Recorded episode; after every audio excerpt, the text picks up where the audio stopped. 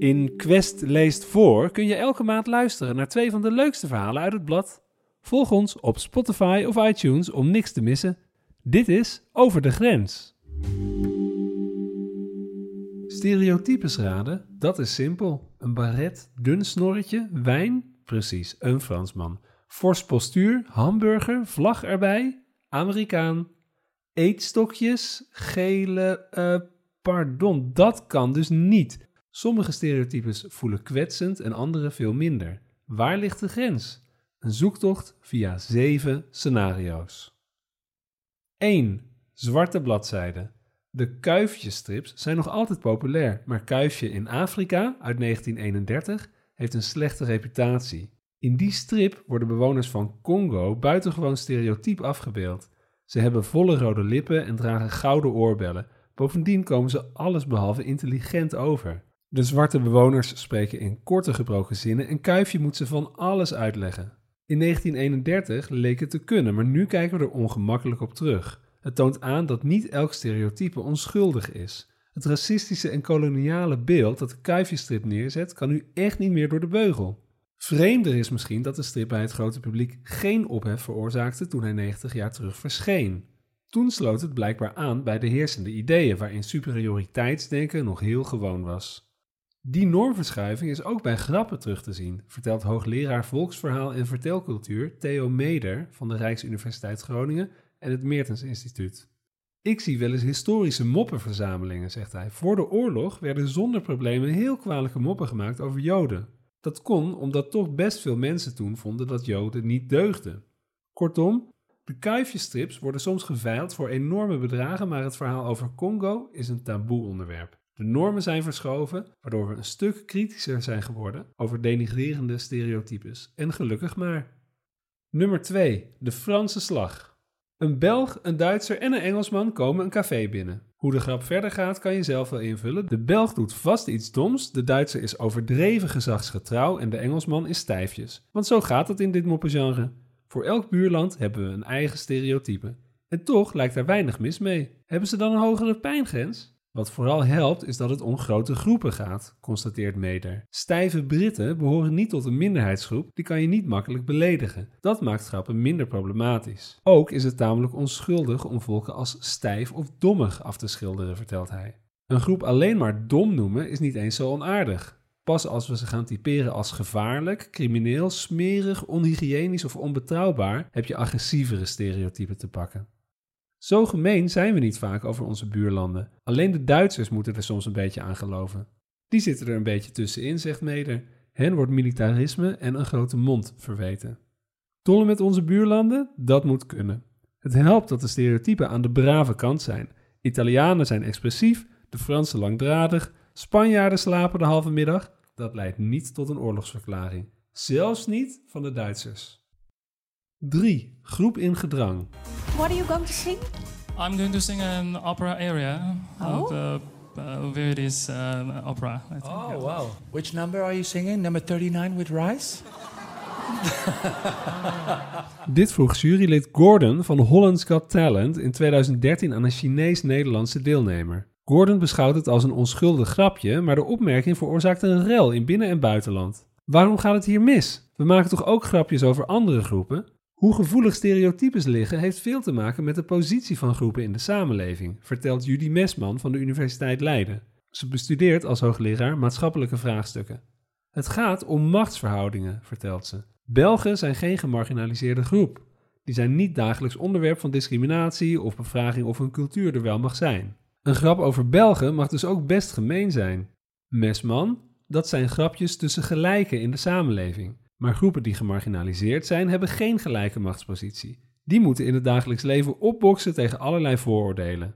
De grap van Gordon was binnen de context dus niet onschuldig, al was het op zichzelf niet de hardste opmerking aller tijden. Mesman zegt: dan draagt een grapje bij aan een samenleving waarin we die mensen eigenlijk weer verder naar beneden trappen. Dat maakt grapjes toch minder grappig. Dus, als minderheden de dupe zijn, wordt het al gauw venijnig. Een grap kan dan de grens passeren tussen onschuldig en discriminerend. Daarmee is harde humor niet verboden, maar het vraagt wel om nadenken, vindt Mesman. Ze zegt: grappen mogen ook wel, maar wees je dan wel bewust wat je aan het doen bent. Je kunt niet doen alsof het volledig onproblematisch is. Zo zit de samenleving niet in elkaar. 4. Zuinige humor. Opgepast, hier volgt een gemene mop. Hoe kan een Belg zien dat ergens een Nederlander woont? Nou, het wc-papier hangt buiten te drogen. Ook witte Nederlanders worden wel eens te kakken gezet. Toch hoeven we daar ons niet zo'n zorgen over te maken. Meder zegt: Als meerderheid zijn we niet zo heel makkelijk te beledigen. Allochtone groepen plakken wel bepaalde stereotypen op ons, zoals gierigheid, dat vinden de Belgen ook. We zijn ook ongastvrij. Zo zijn er nog heel wat stereotypes die terugkomen, constateert Mede in grappen die over autochtonen gemaakt worden. Als buitenstaander zie je dat veel duidelijker van een andere cultuur dan als je er zelf deel van uitmaakt. Zo worden er grappen gemaakt over onze focus op tijd en het gebrek aan autoriteit over kinderen. Maar spijkerhard wil het niet worden met die moppen. De hardste grappen worden nou eenmaal toch door de meerderheid over minderheden gemaakt. Meder zegt, echt agressieve stereotypen zie je toch bij moslims, Arabieren, Turken, Marokkanen en Joden. Minderheden en buitenlanders nemen soms ook de maat met witte Nederlanders, maar dat gaat best gemoedelijk. We krijgen een spiegel voorgehouden, maar worden niet finaal onderuit geschoffeld. 5. De vreemde grens. Don't mention the war. Als Duitse gasten op bezoek komen bij hoteleigenaar Basil in de Britse tv-serie Faulty Towers, kan hij zijn haat voor Duitsland niet onderdrukken. In de aflevering uit 1975 blijft hij de Duitsers ongevraagd lastigvallen met opmerkingen over de Tweede Wereldoorlog. Zodra zij in woede uitbarsten, schreeuwt Basil: Jullie hebben ook absoluut geen humor, hè? UK TV, de streamingservice van de BBC, vond het allemaal ongepast. De aflevering werd van het platform verbannen. Dat veroorzaakte enige ophef in 2020. Wanneer is iets parodie en wanneer is het echt? Dat is een lastige vraag, beschrijft de Amerikaanse psycholoog Leon Rappaport in zijn boek Punchlines uit 2005. Hij schrijft: Als humor op een parodiemanier wordt ingezet om te laten zien dat stereotypes over minderheden in wezen bekrompen en dom zijn, vermindert dat dan echt vooroordelen of maakt het vooroordelen meer acceptabel? Er is geen duidelijk antwoord op die vraag. Rappaport verwijst naar de sitcom All in the Family uit de jaren 70, waarin het personage Archie Bunker vol achterhaalde vooroordelen zat. Dat karakter was juist bedoeld als kritische knipoog, maar kreeg later kritiek omdat het stereotypes juist zou bevestigen. Rappaport schrijft: De betekenis van grappen over minderheden kan variëren van periode tot periode en van doelgroep tot doelgroep. Op zijn slechtst worden zulke grappen gezien als vooroordelen die mensen aanmoedigen ontmenselijkende stereotypes te accepteren, maar in de moderne samenleving kom je net zo vaak humor tegen die beledigende stereotypes belachelijk maakt. Tja, de grens is dun. Dat is nou eenmaal eigen aan grappen, constateerde Meder in 2001 in een artikel. Moppen balanceren op de grens van waardebesef en normoverschrijding. Moppen gaan over hete hangijzers, taboes, onlustgevoelens, angsten en wensdromen. Op en over de grens liggen dicht bij elkaar. Uiteindelijk besloot UK TV dat de parodie toch geslaagd was. De aflevering kwam weer online. 6. Eigen vlees. De zwarte cabaretier Steven Brunswijk maakte vanaf 2011 filmpjes onder de naam Brabo-neger. In zijn video's maakte hij in vet Brabants accent bekrompen Nederlandse ideeën belachelijk. De naam Brabo-neger riep discussie op. Mag je voor jezelf wel een term gebruiken die normaal gesproken geldt als belediging? Voor zelfspot gelden andere criteria, beschrijft Rappaport aan de hand van een grapje over Joden. Als de verteller en toehoorders niet Jood zijn, kan het gezien worden als antisemitisch. Kritiek op Joden vanwege hun arrogantie en overdreven ambitie. Maar als de verteller en het publiek Jood zijn, is het een grappig voorbeeld van Joodse trots. De situatie is vergelijkbaar met het persoonlijke. Zelf een grapje maken over je coronakilo's toont zelfspot Gaan anderen ermee aan de haal, dan is het pijnlijk. Grappen maken over jezelf of de groep waartoe je behoort laat zien dat je een gewoon iemand bent die houdt van een beetje zelfspot.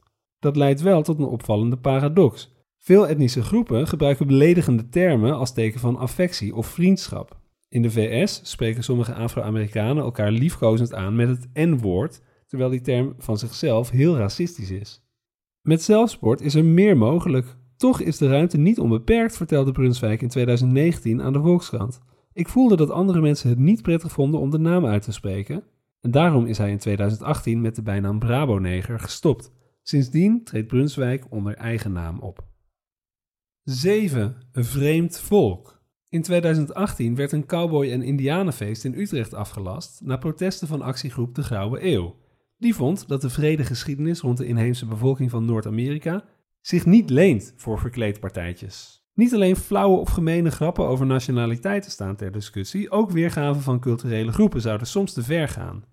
Indiaantjes spelen lijkt onschuldig, maar misschien is dat vooral zo omdat we het gewend zijn, vertelt hoogleraar maatschappelijke vraagstukken Judy Mesman. Ze zegt: We spelen een hele groep na op een manier die heel stereotyp is, met bijbehorende geluiden en verentooien, alsof het allemaal bloeddorstige krijgers zijn. Het wordt heel oppervlakkig en daarmee ontmenselijk je eigenlijk een groep. Alsof je je verkleedt als een diersoort. Die doen dat zo, zo zijn ze. We zouden het ook heel gek vinden als een kind Joodje zou willen spelen. Maar als we die parallel doortrekken, we zouden het toch niet overvallen als Amerikaanse kinderen Nederlandertjes spelen? Klopt, zegt Mesman, maar wij zijn ook geen gemarginaliseerde groep die om hun cultuur is afgeslacht. Hier dringt het verschil tussen grappen over meerderheden en minderheden zich weer op. Mesman, voor ons is het heel makkelijk om te zeggen: wat kan het ons schelen dat we worden afgebeeld met klompen en molens? We weten dat we meer zijn dan dat. Kortom, Mesman zou haar eigen dochters geen Indiaantje hebben laten spelen, maar vindt het vooral belangrijk om met kinderen te praten over die kwesties. Ze zegt: Kinderen kun je dit soort dingen best uitleggen. Het is een beetje gek om mensen te spelen die we helemaal niet kennen en te doen alsof die zich allemaal zo gedragen.